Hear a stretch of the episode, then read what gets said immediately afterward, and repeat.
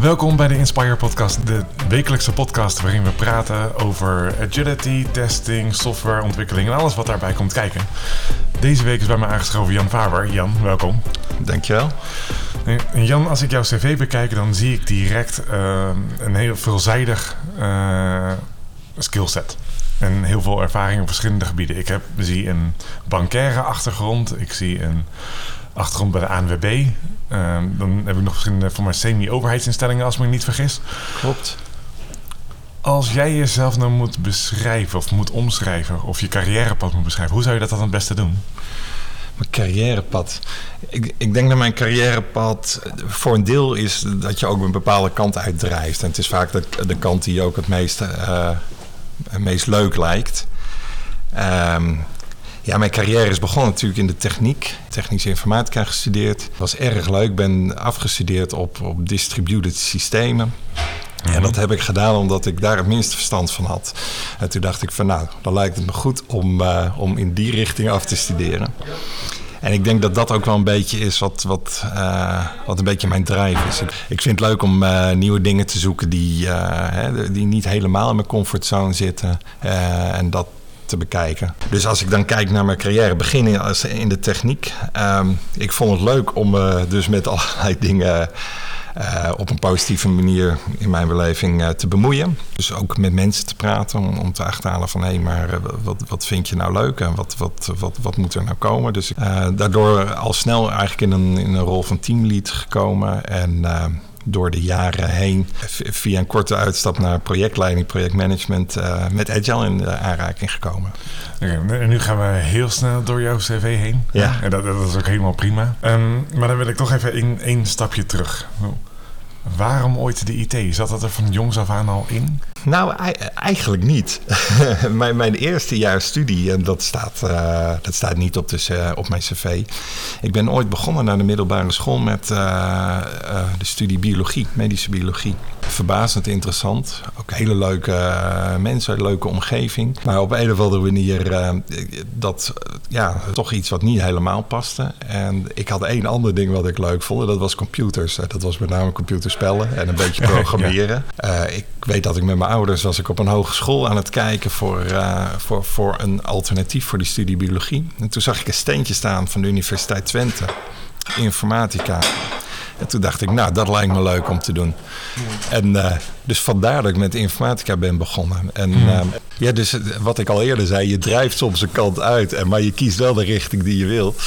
Precies, ja. En daar heb ik geen spijt van, moet ik zeggen. Ja. Nee. En jouw carrièrepad typeert zich door de veelzijdigheid. Um, dan ben ik toch even nieuwsgierig. Ik zag eerst um, een paar banken staan en vervolgens ook de ANWB. Dat is echt wel een compleet andere shift. Uh, hoe kom je bij een, bij een organisatie als de ANWB terecht?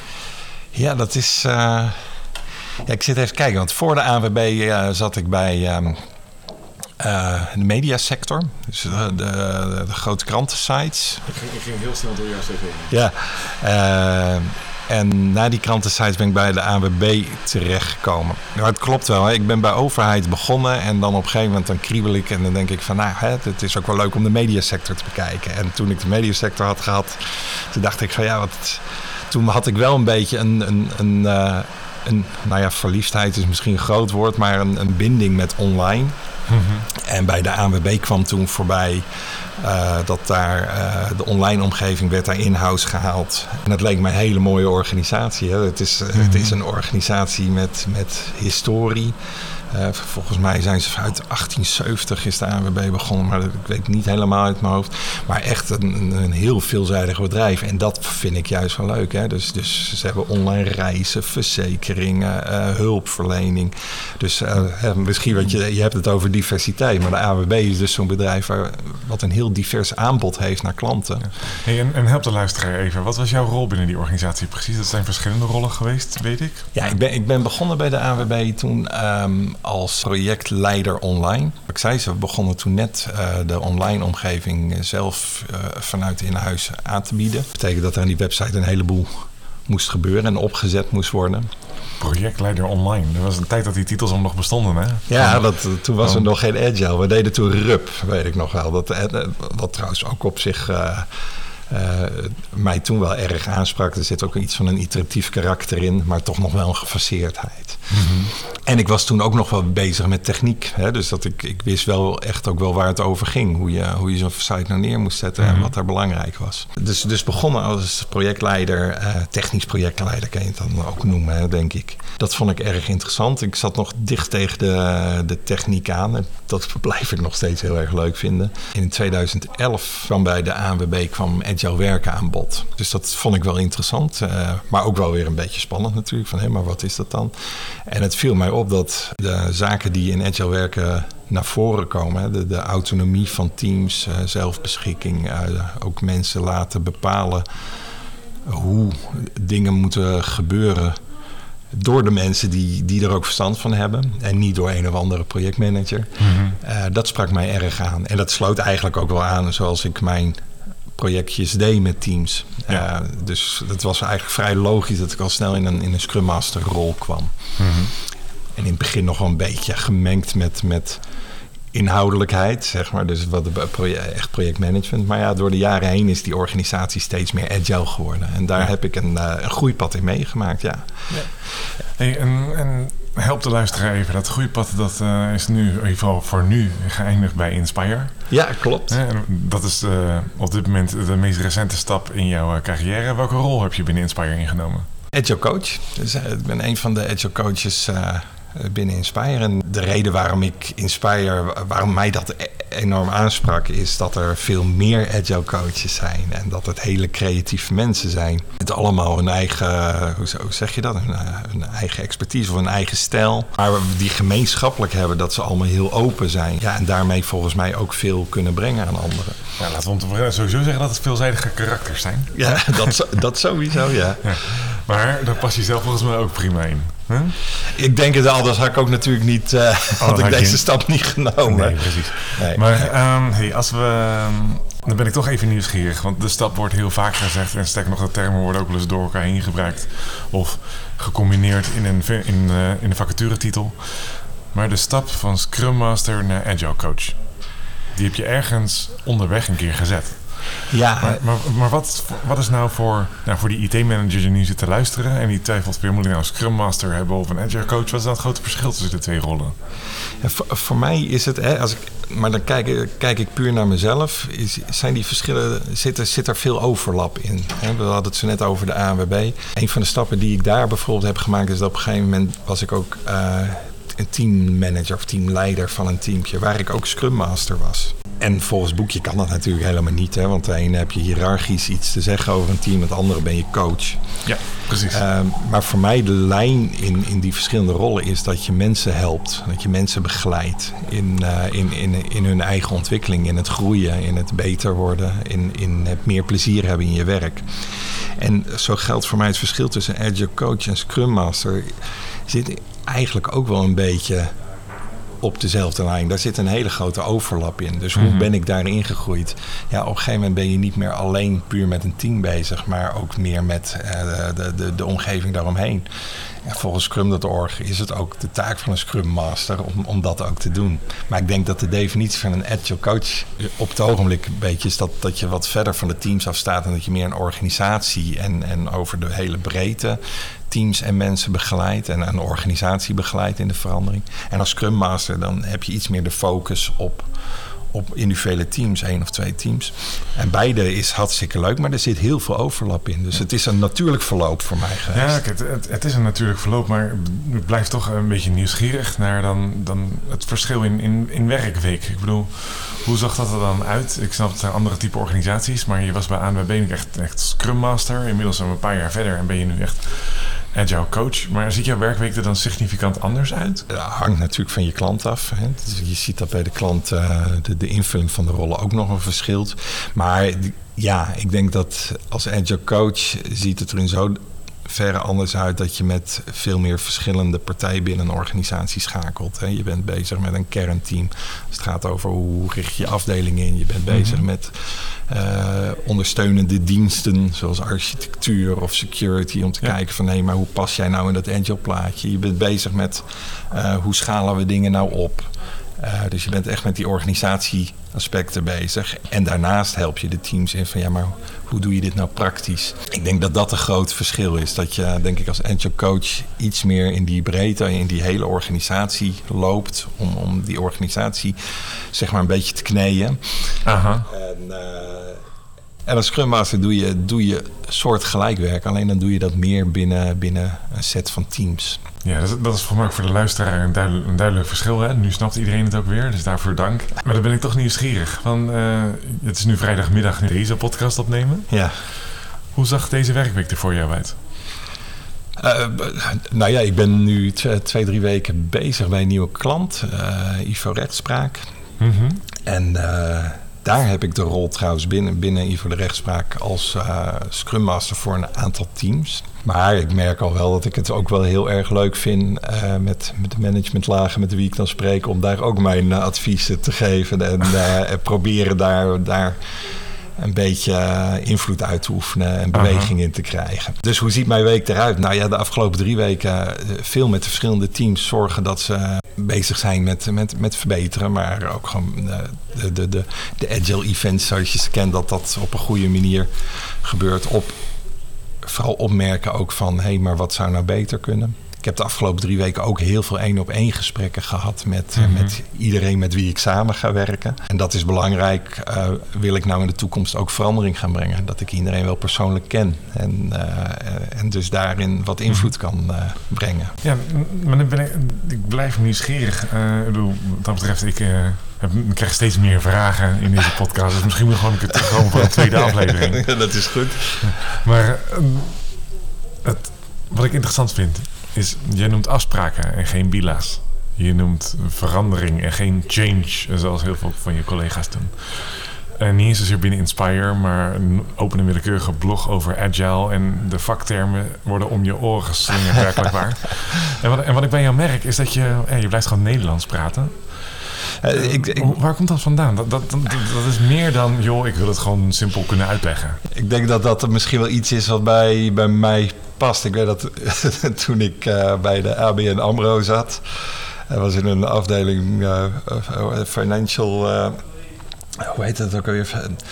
Financiële afdeling op hoofdkantoor... waar, mm-hmm. waar, waar mensen met, met nou, ik noem het dan een Excel on, on steroids... om het dan wel even Engels te noemen... bezig waren om de goede verslagen voor, voor, voor de organisaties... Nederlandse bank, Europese bank te kunnen maken. En toen heb ik eens keer als feedback gekregen dat uh, wat, ze, wat ze fijn aan mij vonden is dat ik dingen nogal uh, redelijk met uh, boerenterminologie zeg maar bracht. Dat ik het Aha. versimpliceerde. Ja, en daar hou ik ook wel van. Ik hou er ook wel van om het allemaal niet te veel aan te kleden in allemaal mooie termen. Maar het is gewoon wel pragmatisch te houden. En dat is in het doen, maar dat is ook in hoe je het, hoe je het benoemt. En is dat dan niet typisch agile als we echt naar de essentie gaan kijken? Want uiteindelijk hè, is agile er niet om dingen te vermoeilijken, te lastiger te maken, te complexiseren. Maar juist om het te versimpelen, te verduidelijken en het in kleinere stapjes behapbaarder te maken voor organisaties, toch? Ja, exact. En vooral ook je gezond verstand gebruiken. Hè? Dus als je kijkt naar frameworks binnen Agile, dat zijn ook echt frameworks. Het zijn geen regels of methodes. Of, hè, je moet altijd je gezond verstand gebruiken en, en terugkijken naar hè, de, de, de principes die er bij Agile uh, zijn benoemd. Uh, en ben je nog in de geest van die principes bezig? En al dat andere is, is allemaal leuk en dat helpt en weet ik wat. Maar daar gaat het om. Hou, hou het simpel en, en hou het leuk. Maar zeg je dan ook tegen je collega agile coaches en scrum masters van... joh, gooi dat woordenboek een keer weg ga handelen in de filosofie die je altijd goed behandelt. En praat gewoon weer Nederlands. Ik zeg dat bij klanten wel. Hè. Zeker bij overheid is de Nederlandse taal natuurlijk ook nog wel iets heiliger als, uh, als, als uh, buiten de overheid. Zeker, en ook wel terecht, denk ik. Ja, daar is zeker wat voor te zeggen. Ik probeer wel aan te geven, laten we het vooral niet moeilijker maken dan, uh, dan het hoeft te zijn. Ik vind dat mensen zijn nog best wel geneigd, en dat geldt voor iedereen, hè, dus ook voor mezelf, dat mensen toch wel graag regeltjes definiëren waar, uh, waarin ze dingen moeten doen. En, en dan volgens, altijd maar volgens die regeltjes te handelen, uh, zonder meer na te denken waarom. En, en ik denk dat het een taak is van een, van, uh, een agile coach om, om daarin te spiegelen en dat te versimpelen. hey, we gaan er heel even kort tussenuit. Want er komt even een reclamerubriekje tussendoor. Waarin uh, Marcel of Alex gaat vertellen dat ze weer op zoek zijn naar nieuwe mensen. En dat zijn we ook echt. Deze podcast wordt gemaakt door Inspire. En bij Inspire zijn we altijd op zoek naar versterking van ons team. Dus zoek jij een omgeving waar lol en plezier, professionele ontwikkeling en elkaar helpen om een betere consultant te worden voorop staat? En heb jij ervaring als softwareontwikkelaar, tester, scrum master, product owner, agile coach? Dan drinken we graag samen een kop koffie om verder kennis te maken. En we zijn weer terug. Hè? Allebei met nieuwe koffie. Precies. We kunnen er even tegenaan. Hey, um, ik, ik heb, zoals net al ook al eerder zei, bijna meer vragen als uh, opmerkingen of als, uh, als dingen geleerd. Want in tegenstelling tot heel veel andere mensen uh, steek jij dus iets anders in elkaar en ga je dus niet bila's houden, maar heb je gewoon gesprekken. ja. En ga je gewoon dingen evalueren in plaats van retrospectives organiseren. En dat, dat komt volgens mij ergens vandaan. En daar is dit deel van de podcast ook voor. Dus dat we even naar het wat zachtere deel van de podcast gaan. Mm -hmm. En het iets meer over jou gaan hebben. En, die, en daar heb ik eigenlijk een, een, standaard openingsvraag. En dat is: uh, ja, wie ben jij eigenlijk en wat doe je? Ja, ik zie mezelf, of, uh, ik zie mezelf graag als iemand die, uh, die probeert te verbinden, misschien te bemiddelen. en te achterhalen bij mensen van hé, hey, maar hoe, hoe kan ik nou helpen om het voor jou leuker, plezieriger en beter te maken? Is dat alleen in het werk? Nee, dat is wel een beetje breed. Ook al zegt mijn vrouw wel dat ik ook heel koppig kan zijn. En dat is ook zo. maar ik denk in mijn stijl... Hè, ik probeer, natuurlijk, iedereen probeert wel uh, zijn punt te maken... Of, of, of verandering te brengen. Maar mijn stijl is wel daarin dat ik eigenlijk de ander daar centraal stel... en kijk van, hé, hey, maar hoe kan ik daar uh, verandering brengen? Of hoe kan ik daar ondersteunen? Zit dat er van nature in? Dat je vroeger ook al anderen wilde helpen als er iets gebeurde of iets aan de hand was? Uh, ja, zeker. Um, dat, ja, dat, dat komt natuurlijk uit je verleden uit. Hoe, waar, ja, dat, waar, maar, maar, ook daar zijn we nieuwsgierig naar. Ik bedoel, ja. Uiteindelijk, deze podcast is niet alleen uh, voor de harde feitelijke, rationele dingen zoals we die net bespraken. Maar nou ja, de, ook de, een, een, zachter stukje, Jan. Mensen willen graag weten wie je bent. Zonder al te diep in de psychologie, uh, psychologie te gaan, denk ik wel. Ja, het is iets wat je vanuit kind uh, af aan wel meekrijgt. Het is, dus, hè, dat is de situatie waarin je, waarin je opgroeit, de school waar je gaat, de vrienden die je hebt. Daar geloof ik in dat, dat je in die eerste jaren van je leven, uh, tot en met je puberteit, word je op dat vlak gevormd. Ik heb daar een, uh, denk ik, een, een, stijl gevonden, zoals iedereen dat doet, die, die, die bij mij past en uh, die, die ik plezierig vind om, om, om door ja. het leven te lopen, zeg maar. En al die stijlen hebben natuurlijk ook zijn keerzijde. Hè. Je moet, ik moet altijd wel oppassen dat ik wel mijn punt maak en ik moet ook zorgen dat, uh, dat, dat, dat je je eigen grenzen bewaakt hè, in, in, in het bemiddelen en in het helpen van mensen. Uh, maar het is wel een stijl die ik plezierig vind en fijn vind. Dus ik ben misschien een beetje een pleaser in dat opzicht. Aan de andere kant, uh, wat ik zei, mijn vrouw zegt ook wel dat ik wel eens eigenwijs kan zijn. Ik ben niet bang om mijn punt te maken. Maar ik zal dat nooit met een gestrekt been daarin gaan zitten. dus nee. dat, is, uh, dat zal ik toch altijd op een manier doen wat wel confronteert. Maar wel mensen in de waarde laat. Ja. Nou, kijk, kijk dat, dat, dat spreekt natuurlijk voor je. Hè? Dat is een van de redenen waarom je zo goed bent in je vak. Maar nu ben ik toch even nieuwsgierig voor de luisteraars onder ons... die um, ook een, een skillset hebben waarbij ze nou, wat zachter zijn. Mm-hmm. Um, zonder het gelijk feministisch of wat dan ook te noemen. Maar gewoon wat, wat zachter zijn, niet zo hard zijn, niet uitgesproken. Um, hoe kom je nou... Ik sprak jou van de week dat je zegt van... joh, ik ben toch... Ik, heb wat, ik doe het wat meer op mijn soft skills dan op mijn hard skills. Hè? Ondanks mm-hmm. dat dat volgens mij ook prima op orde is... als ik jou zo'n beetje intraat. Hoe zorg je er nou toch voor dat als je juist dat centraal stelt bij jezelf en juist op die manier in het leven staat, dat je dan toch in een team niet af en toe helemaal ondersneeuwt? Dat komt, hè, dat komt natuurlijk voor. Hè. Er zijn best wel dingen in, uh, hè, die ik ook wel heb meegemaakt, waarbij ik denk, waar ik dan soms een beetje baal van, uh, van hé, hey, maar uh, hè, als er drie mensen in een team zitten die nogal redelijk vooraan staan in de rij, ja, dan ja. is dat voor mij moeilijker.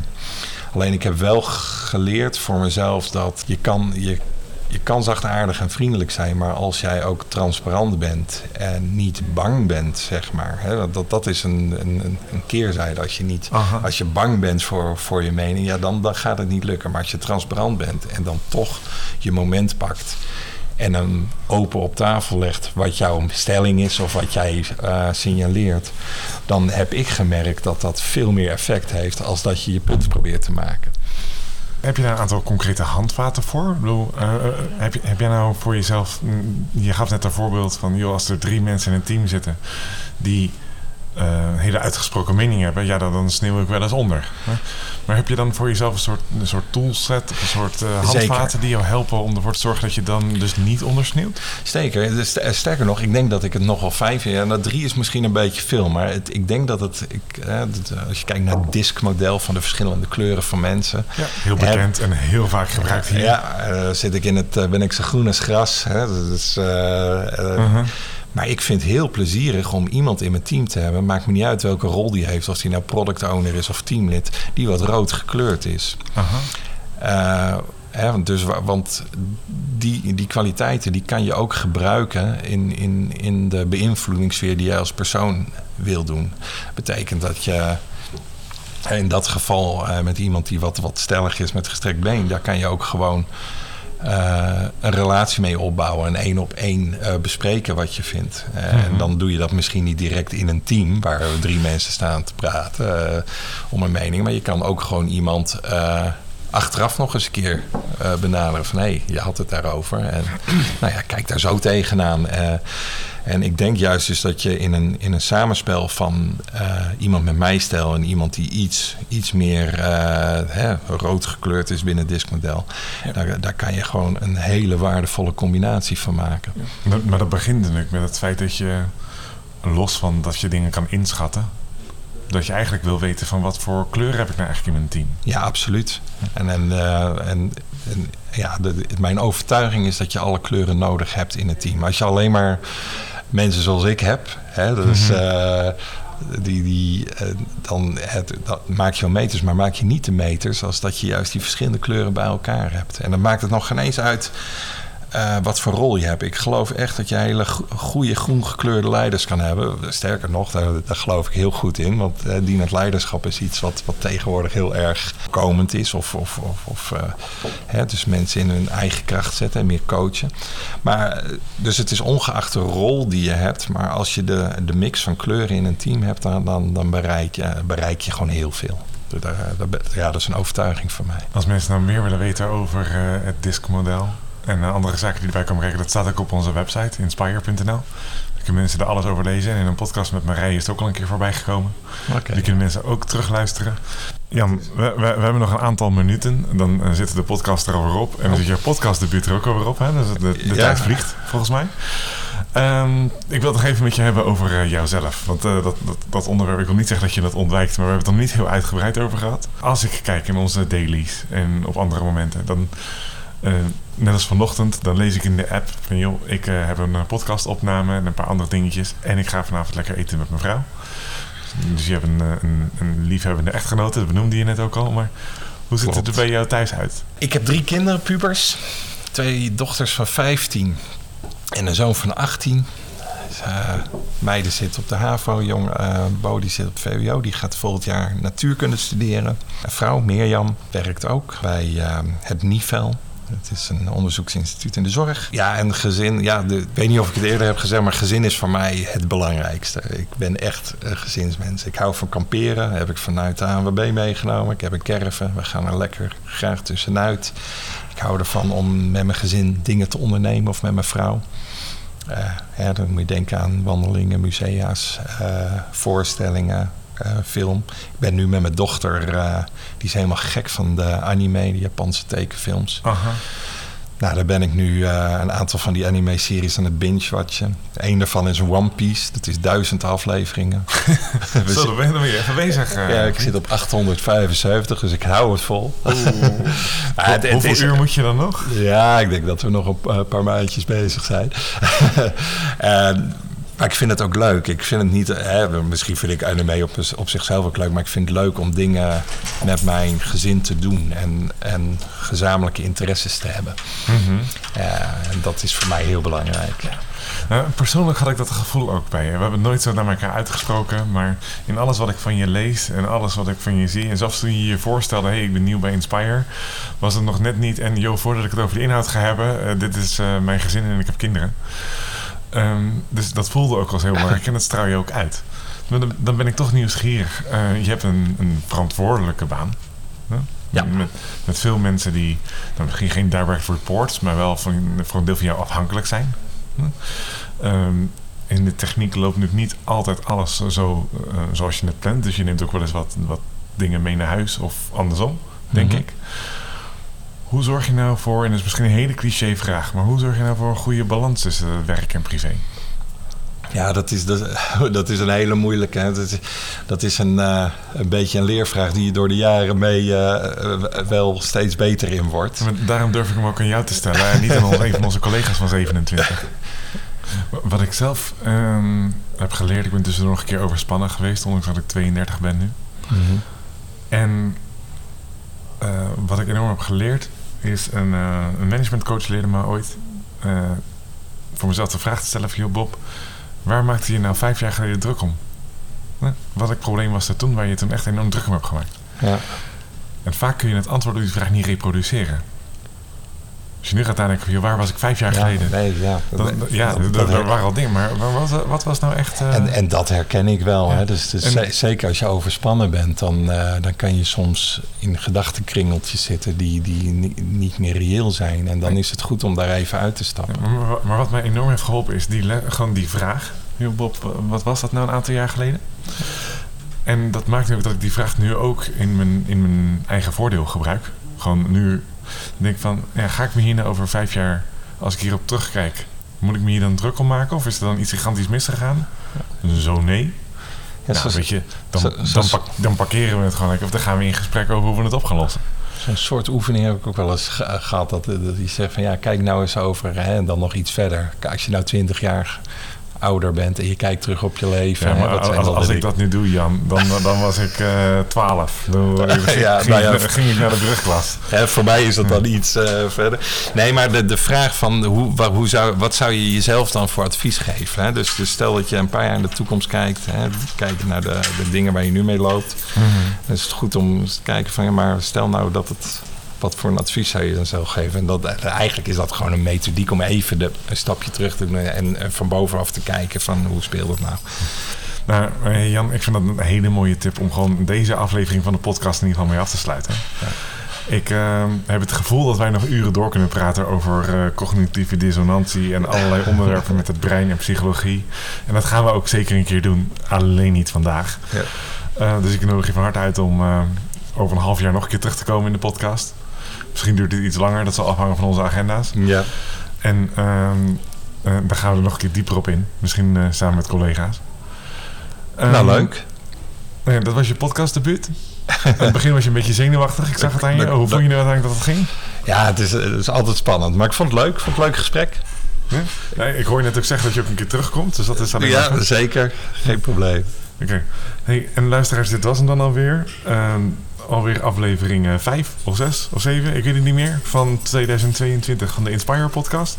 Alles over deze aflevering kun je terugvinden op inspire.nl in de show notes. Waar je ook deze aflevering kan beluisteren. eh, linkjes kan terugvinden naar Disc waar we het over gehad hebben. En andere elementen die we gebruikt hebben. Kijk voor alle afleveringen en meer informatie op inspire.nl. En eh, tot de volgende aflevering. Super tof dat je hebt geluisterd naar deze aflevering van de Inspire Podcast. Ga voor deze en alle andere afleveringen naar Spotify, Apple Podcast of je favoriete podcast app. En wil je nou meer weten over Inspire? Ga dan naar inspire.nl.